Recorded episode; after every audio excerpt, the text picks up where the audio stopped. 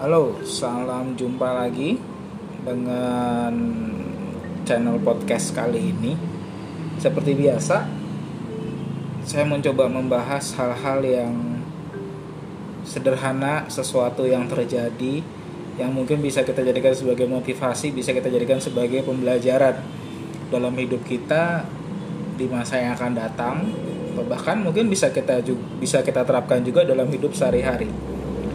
Nah, di sini saya membahas tentang Liverpool. Nah, bagi fans Liverpool yang saya tahu, yang saya kenal ada Laesando, guru musik di SMA Marsud dan juga Bro Puji, guru komputer di SMA Marsud. Mereka berdua ini adalah fans Liverpool garis keras. Bukan kaleng-kaleng ya, karena mereka mendukung Liverpool dari sudah lama mungkin ya jadi bukan pendukung karbitan. Nah di sini saya bukan fans Liverpool, cuma saya tertarik untuk mempelajari bagaimana tim juara sekelas Liverpool mereka bisa meraih puncak kejayaan atau meraih gelar Liga Inggris yang selama ini selalu dijadikan sebagai bahan lelucon. Slogan The next year is our year itu selalu aja didengungkan fans Liverpool pada waktu itu sebelum mereka menjadi juara pada tahun ini. Nah, saya tertarik untuk membahas mengapa dan bagaimana Liverpool bisa menjadi juara liga. Nah, kita tahu yang mungkin ada juga yang baru tahu bahwa Liverpool terakhir juara Liga Inggris itu sekitar tahun 1990-an. Jadi kurang lebih memang benar sekitar 30 tahun yang lalu mereka terakhir juara Liga Inggris dan setelahnya dominasi Liverpool dikalahkan oleh tim-tim baru tiga tim teratas yang saya yang yang kita tahu. Ada Manchester United di era Sir Alex Ferguson, kemudian Arsenal dengan sang profesor Arsene Wenger, kemudian Chelsea dengan the special one Jose Mourinho. Itu adalah tim-tim yang membuat Liverpool menjadi tidak ada apa-apanya. Dominasi mereka itu cukup kuat setelah selama 30 tahun ini ya terlepas ada Manchester City yang akhirnya menjadi juara juga tahun 2012 2013 atau Leicester atau mungkin Blackburn juga sempat menjadi juara tetapi tiga tim inilah yang mengandaskan impian Liverpool untuk menjadi juara liga. Dan akhirnya karena ketiga tim inilah maka Liverpool praktis hanya masuk sebagai the big four dari Liga Inggris.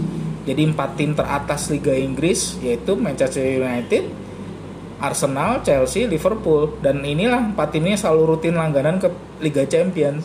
Tapi untuk juara ya kadang Arsenal, kadang Chelsea, kadang MU ya begitu itu terus cuma Liverpool konsisten aja di urutan 4. Nah dan dari proses menjadi juara liga ini ya tentu saja tidak instan harus ada jatuh bangun dalam membangun sebuah tim sepak bola juara. Ibaratnya seperti mie yang katanya instan itu aja harus ada proses membuatnya. Direbus dulu bumbunya disobek nyiapin pelengkap. Belum lagi misalnya pas lagi masak pas ngerebus airnya kebanyakan atau bumbunya ambiar pas disobek atau bahkan pancinya tumpah karena tidak cukup cekatan. Jadi menjadi ya itu tadi menjadi sebuah tim juara seperti Liverpool itu bukan butuh waktu setahun dua tahun. Panjang prosesnya Nah, Liverpool setelah era juara 1990 ini bukanlah tim yang tidak mempersiapkan diri dengan baik tentu saja. Tetapi mereka ya terkalahkan oleh kemunculan tim-tim baru. Manchester United yang selama ini tidak mereka kenal atau mereka hanya taunya wah MU pada era 80 90 ya ah MU itu tim apa pada waktu itu tapi akhirnya MU menjadi menjadi tim yang luar biasa begitupun juga seperti Arsenal, Chelsea dan tambah lagi ada Manchester City, ada Leicester juga. Itu mereka yang akhirnya mendominasi Liga Inggris sementara Liverpool ya ibaratnya pepatah mempertahankan lebih sulit daripada meraih dan itu terbukti. Nah prestasi melempem Liverpool di Liga Inggris ini ternyata nggak sebanding dengan kontribusinya di Liga Champions.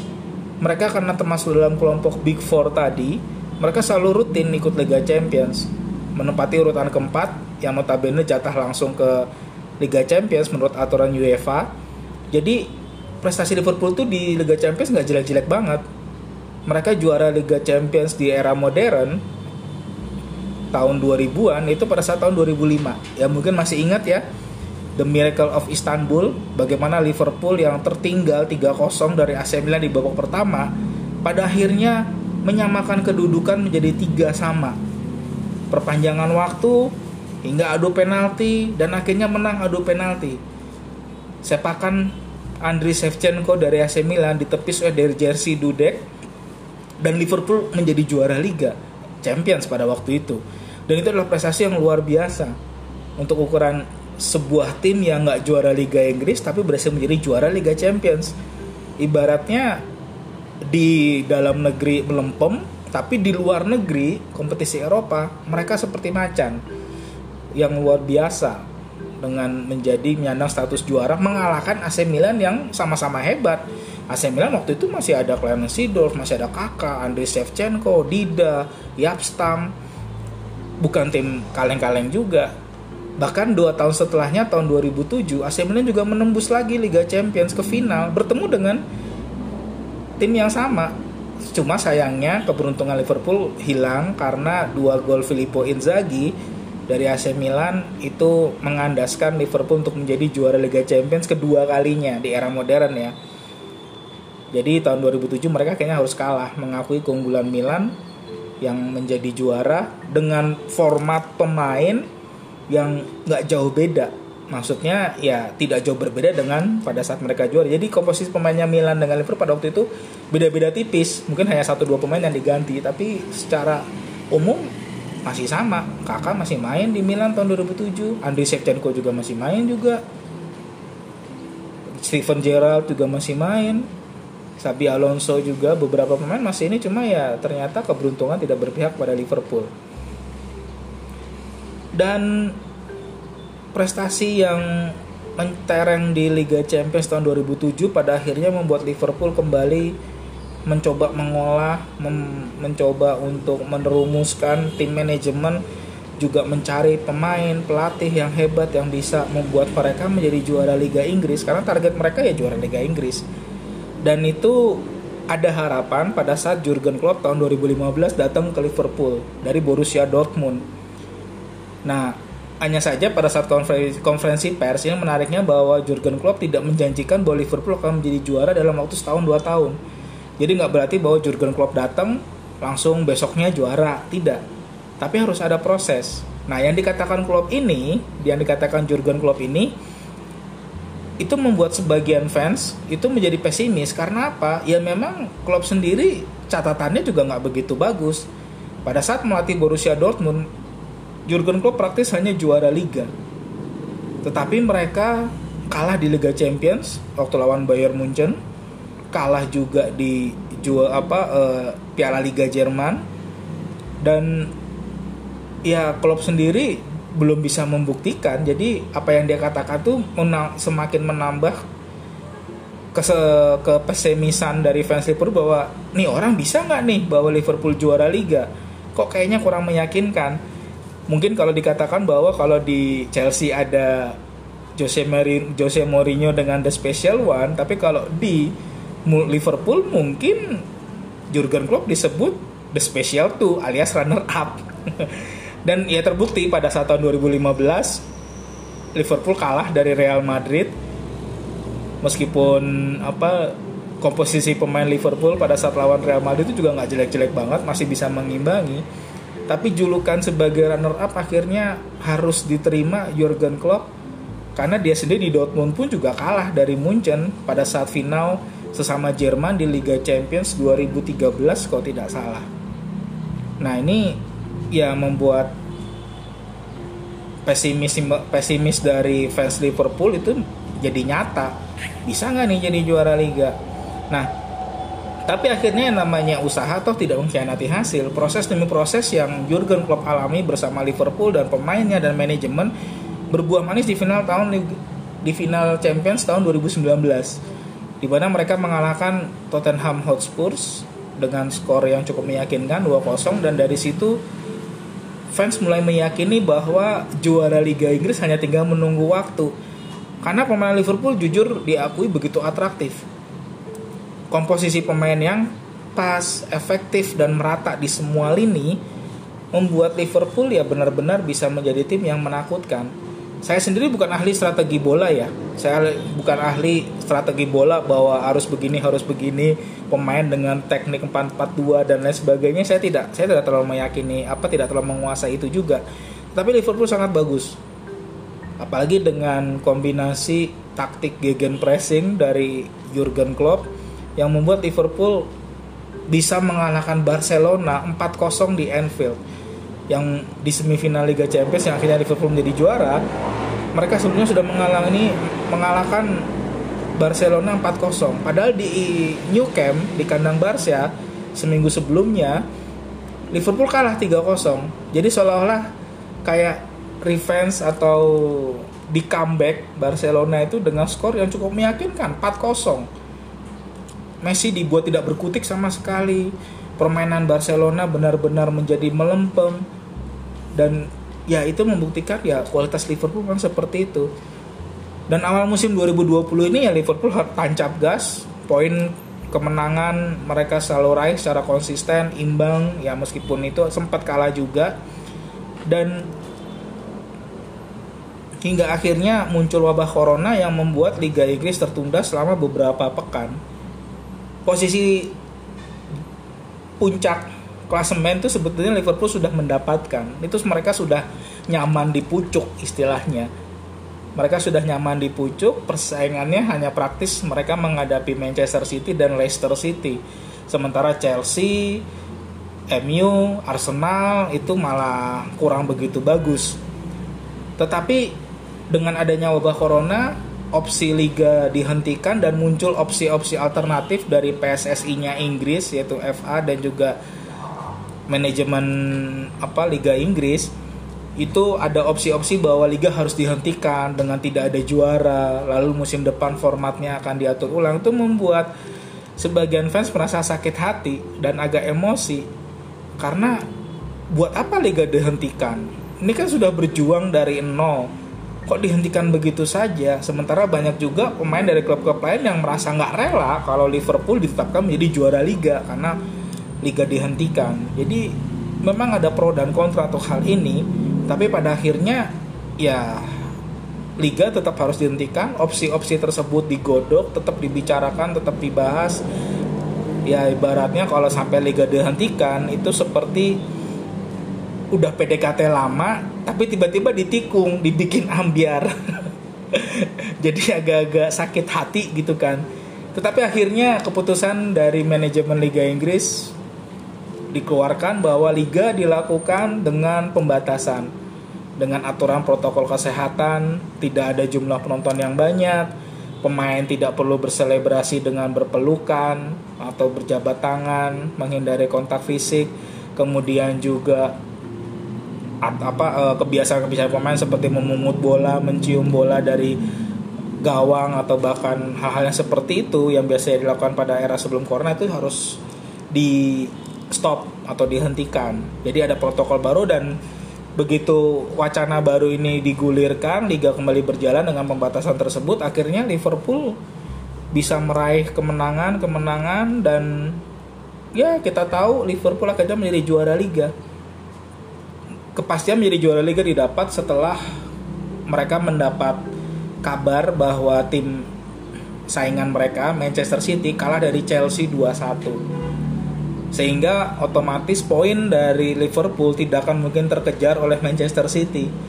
Meskipun pertandingan masih sisa 7 7 pertandingan lagi tetapi karena poin dari Liverpool sudah cukup dan Manchester City juga kalah otomatis Manchester City tidak bisa mengejar Liverpool hitung-hitungan matematisnya seperti itu dan ya jadilah Liverpool menjadi juara Liga Inggris untuk tahun ini akhirnya yay Nah, refleksi apa sih yang bisa kita ambil dari Liverpool ini?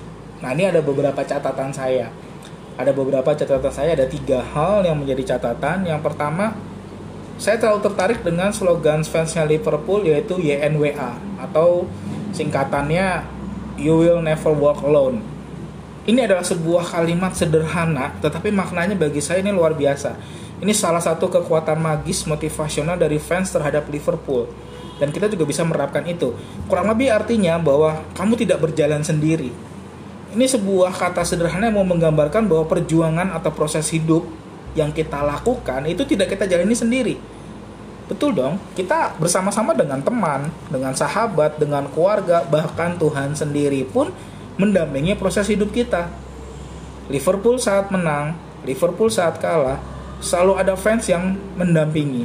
Kalimat "You'll never walk alone" benar-benar terasa sebagai sebuah dukungan fans kepada klubnya dan begitupun sebaliknya fans pun merasa bahwa klub Liverpool juga tidak meninggalkan fansnya mereka saling bersinergi maka kita bisa menjadikan kalimat You'll never walk alone ini sebagai sebuah kekuatan kita bahwa dalam proses hidup apa pun yang terjadi kita akan selalu bersama-sama dengan orang-orang yang terdekat kita. Kita tidak berjalan sendiri akan ada pribadi-pribadi yang mau membantu proses perjuangan untuk hidup kita ini. Itu yang pertama. Lalu yang kedua semangat untuk memperbaiki yang salah dan beradaptasi dengan perubahan Ya, ini hal kedua yang bisa kita pelajari dari Liverpool. Setelah mereka juara Liga tahun 1990-an, pepatah mempertahankan lebih sulit daripada meraih menjadi terbukti. Tadi kan saya sudah bilang. Tetapi Liverpool menjadi kehilangan taji untuk bersaing dengan tim-tim baru tanpa mengurangi rasa hormat kepada pemain dan pelatih pada era itu, tetapi jelas bahwa Liverpool kalah kelas dari Manchester United, kalah dari Arsenal, kalah dari Chelsea, sehingga akhirnya tiga klub itu yang mendominasi persaingan untuk juara liga. Nah, di sinilah yang perlu juga kita refleksikan bahwa proses adaptasi terhadap zaman serta perbaikan-perbaikan perlu kita lakukan dalam memperjuangkan tujuan dan proses hidup kita nantinya. Dan Liverpool melakukan itu tahun 2015 ya mungkin manajemen mempertimbangkan ada ada perlu ada penyegaran Sekali lagi, tanpa mengurangi rasa hormat kepada pelatih-pelatih Liverpool seperti Gerard Houllier, Brendan Rodgers, Kenny Dalglish, kemudian Rafael Benitez yang memang notabene mereka sudah ikut bersama-sama dengan Liverpool tetapi tetap tetap saja bahwa ada hal lain yang perlu dilakukan. Mungkin manajemen taktik. Selama ini mereka selalu terkon, mungkin terkonsep manajemen taktik yang kuno yang usang Nah, maka begitu ada Jurgen Klopp dengan membawa filosofi gegen pressing dan dimodifikasi dengan komposisi pemain yang ada di Liverpool, ya bongkar pasang pemain itu wajar, tetapi pada akhirnya hasilnya kelihatan dalam kurun waktu sekitar ya 4 atau 5 tahun ini Liverpool menjadi juara liga. Nah, ini yang saya maksudkan bahwa kita perlu juga beradaptasi terhadap zaman serta perbaikan-perbaikan yang memang perlu kita lakukan kita nggak bisa menggunakan cara lama terus menerus di zaman yang baru ini. Kita harus inovatif dalam membiasakan diri untuk perubahan. Jika tidak ya kita akan tergerus. Kita nggak akan berkembang apa pun. Itu yang kedua. Lalu yang ketiga yang bisa kita pelajari dari proses Liverpool menjadi juara liga ini adalah kita fokus dengan tujuan yang ingin kita capai ini. Hal ketiga ini yang menurut saya sudah ya dilakukan oleh Liverpool sejak mereka juara 1990-an siapa sih yang nggak pengen juara liga di tahun berikutnya? Semua pasti pengen semua klub pasti pengen seperti itu. Nah tetapi kok menjadi gagal juara lagi? Masalahnya bukan di tim mereka bukan di tim Liverpool masalahnya tetapi memang ada yang lebih baik dari mereka. Ya itu tadi. MU, Arsenal, Chelsea mereka lebih baik daripada Liverpool dengan pemilihan pelatih yang tepat MU kita tahu dengan di era Sir Alex Ferguson wow luar biasanya MU juara Liga Champions dua kali juara Liga juara Piala FA dan lain sebagainya. Arsenal konsisten dengan Profesor bahkan mereka mencatatkan kemenangan satu liga mencatat apa eh, prestasi tanpa terkalahkan. Menang dan imbang yang jumlahnya lebih istilahnya yang jumlahnya sebanding tapi mereka nggak pernah kalah. Dan itu satu-satunya yang dilakukan oleh Arsenal bersama Arsene Wenger tahun 2004 itu kan menjadi luar biasa. Kemudian Chelsea dengan Jose Mourinho datang pemilihan pemain yang pas akhirnya Chelsea merangsek menjadi juara liga mengacaukan dominasi MU, Arsenal dan Liverpool sendiri. Nah maka fokus untuk menjadi juara yang tadi saya katakan yang ketiga itu fokus untuk menjadi juara nggak berhenti. Mereka selalu fokus untuk menjadi juara. Dan Liverpool saya yakin juga tim manajemen juga pasti konsisten mencari cara untuk bisa menjadi juara. Ya tentu meski bung mesti harus berganti pelatih harus berganti pemain mereka regenerasi dan lain sebagainya. Tetapi fokus untuk menjadi juara tersebut tetap mereka lakukan. Maka maknanya di poin ketiga ini dalam hidup ini meskipun kita punya tujuan hidup yang seolah-olah konyol bahkan ditertawakan ya tujuan hidup lo kayak gitu. Emang bisa? Nah kalau memang kita yakin kita bisa maka kita harus menggunakan apa yang kita miliki. Kita berusaha kita beradaptasi kita mengembangkan diri kita lebih baik lagi demi mencapai tujuan kita tersebut. Jika kita memang konsisten untuk melakukan hal itu maka ya usaha tidak akan mengkhianati hasil. Dan itu sudah dilakukan oleh Liverpool. Selama 30 tahun mereka mereka berusaha. Dan memang mungkin Jurgen Klopp selama 4 tahun ini hanya tinggal memoles saja tinggal mengarahkan. Tetapi perjuangannya tidak hanya dari masa Jurgen Klopp saja tapi dari era Rafael Benitez, Gerard Houllier, Kenny Dalglish, Brendan Rodgers dan pelatih-pelatih yang sebelum-sebelumnya saya juga juga tidak hafal pelatih Liverpool karena saya bukan Liverpoolian tapi paling tidak ya mereka juga sudah menerapkan itu menerapkan fokus menjadi juara. Tentu saja tantangannya menjadi lebih banyak lebih besar. Maka sama kita kalau memang ingin meraih satu tujuan kita punya fokus terhadap tujuan tersebut ya mari kita coba untuk bisa mengembangkan. Kita coba untuk bisa fokus terhadap tujuan kita dengan segala hal yang kita miliki kita berusaha sebaik mungkin. Kalau misalnya belum bisa berhasil pada tahun ini ya tahun depan kita coba lagi. Dengan memperbaiki diri ya bukan cuma tahun depan nggak bisa ah ya udahlah gue diem aja nggak melakukan apa pun ya itu istilah salah. Tapi paling nggak kita mencoba untuk memperbaiki diri. Apa sih yang harus kita lakukan? Apa sih yang harus kita perbuat? Nah di situlah kuncinya. Jadi tiga hal tersebut sekali lagi teman-teman yang bisa kita pelajari dari proses Liverpool menjadi juara. Yang pertama, you will never walk alone, YNWA. Lalu yang kedua, mau memperbaiki dan beradaptasi.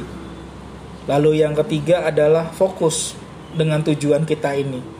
Nah, maka inilah tiga hal yang dilakukan oleh Liverpool menurut saya yang bisa kita jadikan sebagai pembelajaran dalam diri kita maka kalau kita ingin sukses untuk ke depannya, ya pertama kita harus yakin bahwa kita nggak sendiri. You'll never walk alone. Kita nggak sendiri dalam mencapai kesuksesan itu. Lalu yang kedua, kita memperbaiki diri, kita beradaptasi. Kita ingin sukses, kita memperbaiki diri, kita beradaptasi. Apa yang harus kita lakukan? Lalu kita tambahkan dengan usaha yang baik, usaha terus menerus, dan yang ketiga kita fokus meskipun mungkin ada tantangan, ada hambatan, tapi kita fokus untuk mer untuk meraih kesuksesan tersebut. Nah, niscaya bahwa itu semua tidak akan mengkhianati hasilnya. Ya mungkin beberapa tanpa sadar sudah kalian alami, tapi saya yakin bahwa tiga hal ini bisa kita terapkan, bisa kita jadikan sebagai pembelajaran.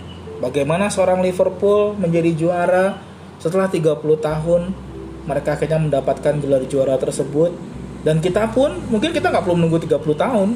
Mungkin dalam jangka waktu tertentu kalau memang Tuhan mengizinkan melihat usaha kita yang sungguh-sungguh mungkin tidak perlu menunggu sampai 30 tahun. Intinya bahwa dari proses Liverpool menjadi juara bukanlah proses yang instan. Dan kita bisa untuk menjadi juara seperti Liverpool untuk bisa meraih kesuksesan seperti yang kita inginkan. Asalkan kita konsisten untuk tiga hal tersebut. Nah, jadi ini demi ini yang mau saya bagikan dalam podcast kali ini tentang bagaimana seorang Liverpool eh sorry bagaimana Liverpool bisa menjadi juara dan bagaimana proses tersebut bisa kita aplikasikan dalam diri kita. Semoga bermanfaat, semoga berkenan. Maaf jika ada salah kata atau mungkin kekurangan. Kita bertemu lagi dalam podcast yang selanjutnya dalam edisi yang selanjutnya tapi yang pasti saya mau membagikan sesuatu membagikan refleksi yang bisa kita jadikan sebagai pelajaran hidup bersama-sama. Terima kasih sudah mendengarkan. Sampai jumpa lagi di kesempatan yang akan datang. Tuhan memberkati semesta mendukung